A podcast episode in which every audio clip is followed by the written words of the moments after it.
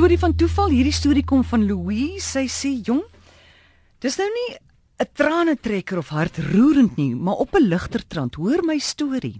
Dit was 'n Desember vakansie op Victoria Bay. Ek is daar saam met my gesin. Ek was hierdie hardwerkende 17-jarige dogter dogter op daai stadium. Op 'n dag op pad strand toe het ek skielik een van die grootste hartbegeertes gekry wat ek al ooit gehad het. Reg voor my het daar ander meisies met lang bene vloeiend deur die mense gesweef. Hulle lang bene was so al die tyd net as gevolg van rolskaatse op hulle voete en hulle het maklik maklik deur die mense gevleg. Man, maar dit het my so geraak. Net daar besluit ek dat ek ook rolskaatse wil hê.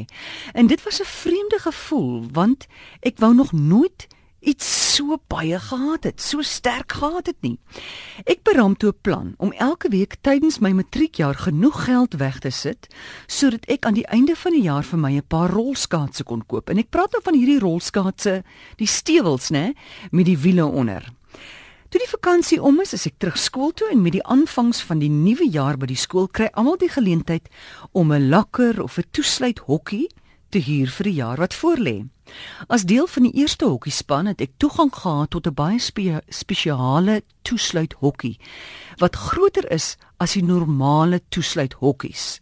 Daar was slegs so wat 10 van hierdie spesiale lakkers of hokkies.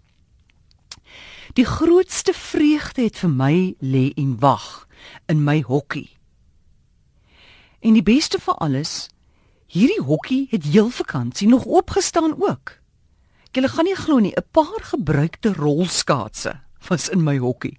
Dit was 'n nommer 8 en dit het my perfek gepas. Voor ek egter kon opgewonde geraak het, het ek besluit om 6 maande te wag vir die eienaar om hulle te kom haal.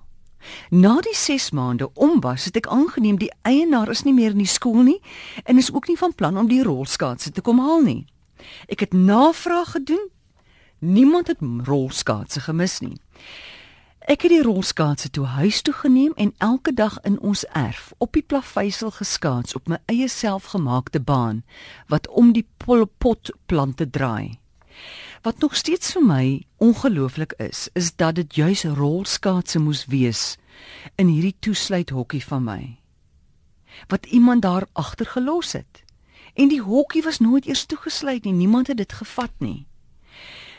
En toe het die lig vir my geval dat as jy jou kop op iets sit en dis goed vir jou, kom die heelal tesame om dit te ondersteun. En weer eens toe val daai lig vir my.